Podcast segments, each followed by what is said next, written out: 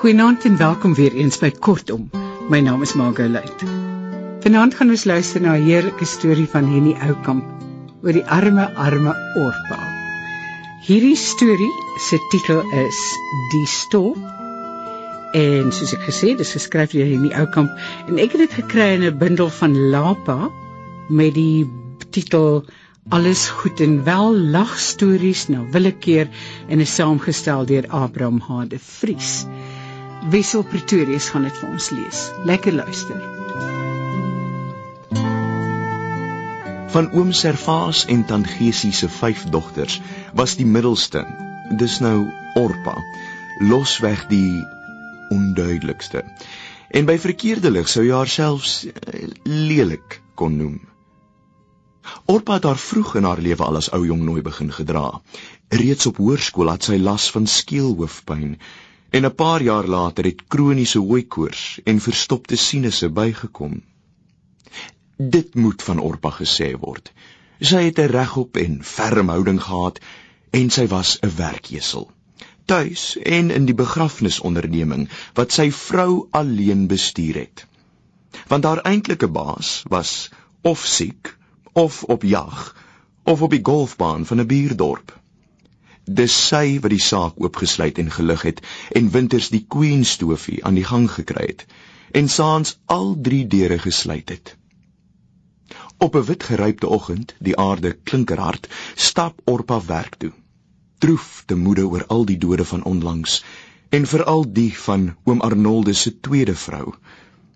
Orpa dink gereeld en toegewyd aan die dood, want dis implisiet deel van haar werksomskrywing en dit kom klante onmiddellik agter en stort hul hart by haar uit.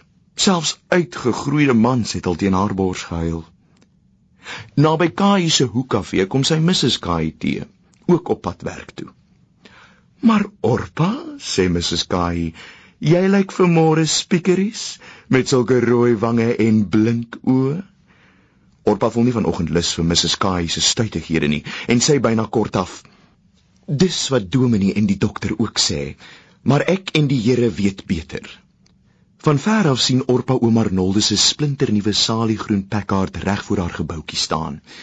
In die jongste tyd het sy dit tot 2, 3 keer die week voor die sentral kroeg gesien, net oor kan die straat van haar werk af. Dit is nie dat sy op haar naaste spioneer nie, 'n God behoed, maar as jou lesenaar reg op die kroeg uitkyk, sien jy dinge of jy nou wil of nie. Dis net dat sy besorg is oor oom Arnoldus.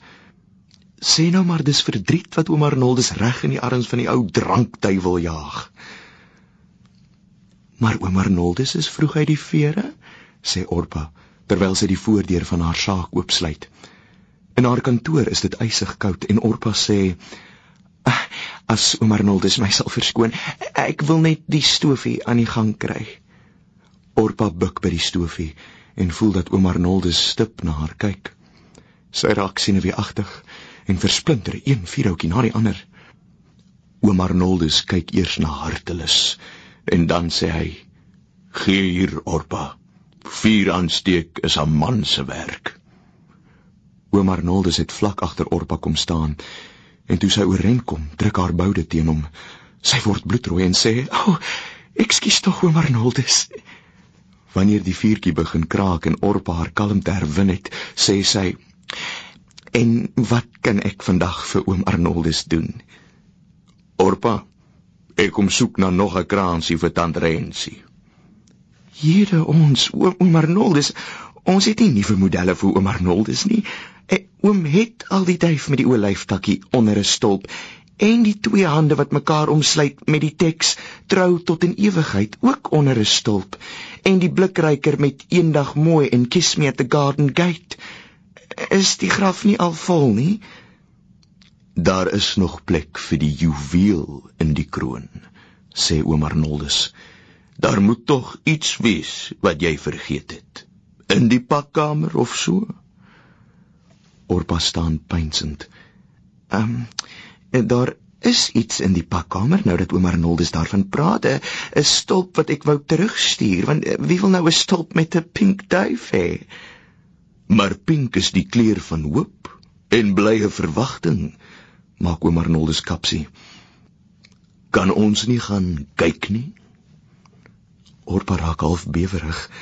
Eh, die vorige kere dat oom Arnolde stolpe kom koop het, het hy reg van die kroeg af oor die straat gestap. Maar vandag is daar geen brandewyn op sy asem nie. Net 'n vreeslike lig in sy oë. Uh, dan moet ek eers die voordeur sluit, sê Orpa. 'n Mens wil nie skade kry nie. Haar hart bons onder haar kuisblouse. Oom Arnoldus steen Orpa in die skemerige gangetjie na die agterplaas en met 'n trappie af na 'n vierkant en weer met 'n trappie op na die pakkamer. Maar wanneer hulle in die pakkamer kom, verloor oom Arnoldus alle selfbeheer. Hy ruk Orpa byna met geweld na hom toe en omarm haar, maar Orpa retireer wild en skree floutjies: "Heden ons, oom Arnoldus!" Sy val agteroor oor die stulp met die pink duif en oom Arnoldus van balans af bo op haar. Jy hoor net glas kraak en splinter. Toe Orpa haar weer kom kry, staan oom Arnoldus gebuig oor haar. Sy groot man sakdoek rooi gevlek. Ons moet jou by die dokter kry, Orpa. Jy bloei. Orpa stribbel nie teen nie. Dis vir haar 'n weelde dat iemand besorg is oor haar en haar lewe wil bestuur. Na die besoek aan die dokter, gelukkig 'n diskrete man, besluit oom Arnoldus dat Orpa te swak is vir werk en hy neem haar na Mrs. Kai se kafee. Tee bestel hy by die toonbank en koeksusters om die bloedsuiker op te stoot. Daar is houtskeidings tussen die tafeltjies wat teen die muur staan en oom Arnoldus kies die verste en donkerste kajuit vir groter privaatheid. Terwyl hulle op die tee wag, sê Orpa Daar is die kwessie van die stulp, oom Arnoldus, die, die een met die pink duif. Ek het nie vergeet nie, sê oom Arnoldus, en al twee note uit sy beduimelde volstrysvel beursie en sit hulle voor Orpa neer. Dis te veel, oom Arnoldus. Gebruik die res na goeddinke. Orpa sit die note in haar beursie en kondig plegtig aan. Die res gaan vir die kinders sorg. Baie dankie oom Arnoldus.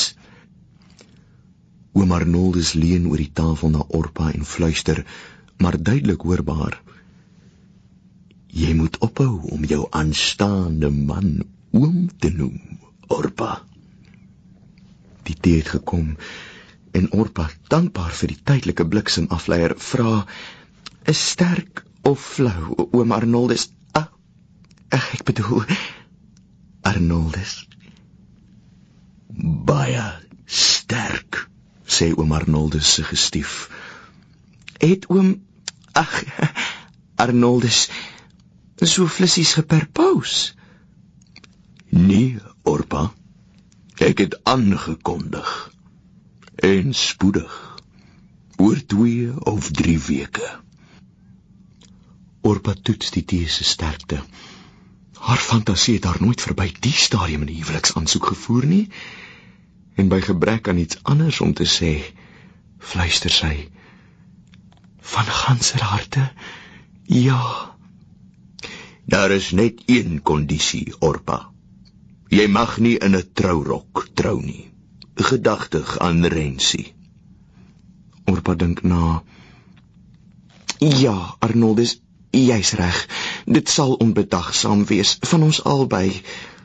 'n Mooi deftige rok sal goed wees maar dan moet jy my oorneem na Alita Modes in Aliwal Noord.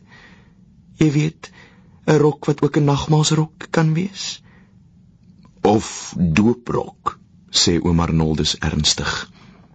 Orpa bloos sonder om te probeer. Ek het ook 'n kondisie, Arnoldus. Eh, my kat moet saam plaas toe. Sephora is deel van my lewe.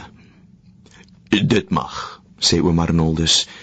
Maar een ding moet jy goed verstaan. Ek deel nie my kooi met 'n kat nie. Nee, te begrype. Orpa skink 'n tweede koppie en sit die potte iets te hard neer. Die kat is in elk geval 16 jaar oud. Ons kan haar laat uitsit die dag as ons na Alita Modus gaan. Orpa het mooier gelyk op haar troudag in 'n rok wat 'n dieper salie groen is as oom Arnoldus se Packard en met 'n poumotief op die regterheup uitgewerk in blinkers. Net jammer van die vals magnolia wat sy teen haar skouer vasgesteek het, te groot en te duidelik nagemaak. Die egpaar is vir 'n week Koos Lafont toe vir hulle witbrood. Nooit het Orpa las van skeelhoofpyn gehad nie en haar hoekoors het gewyk na haar kat se dood. Na die witbrood het sy kinderklere begin maak. Oom Arnoldus het sy huwelik in die sentrum gaan aankondig en die manne royaal getrakteer, maar ook laat verstaan dat hy nou baie min by hulle sal kan aansluit. En dis juis oor oom Arnoldus en Orpa dat die manne op 'n lenteoggend sit en gesels. 'n Dag met blomkoper waar jy kyk en viooltjies en dryfjasinte op beskutte plekke. Orpa is in die gesiene tyd. Hy sê lyk vir my mooi by watter lig ook al, sê Gili. 'n Man moet sy loop skoon hou, is Kosie se bydra tot die gesprek. Dit staan in Spreuke. Wat ook in Spreuke staan, Kosie, is dat jy die keiser sal betaal wat die keiser toekom. Pay up. Die kroegman ken sy klante en veral vir Kosie. Terwyl Kosie verleë in sy beursie vroetel, sien Buk sy kans. Dit gaan 'n tweeling wees. Wat? Skree al die manne te gelyk en buig laag oor hulle glase van pure skok. Hoe weet jy altemat? vra Gili skepties. Die nuwe nursie by die hospitaal het laat glip. Wat die drinkebroers in die sentral nie weet nie en nooit sal weet nie, is dat oom Arnold se tweeling oor kan die straat verwek is in 'n agterkamertjie van die begrafnissaak.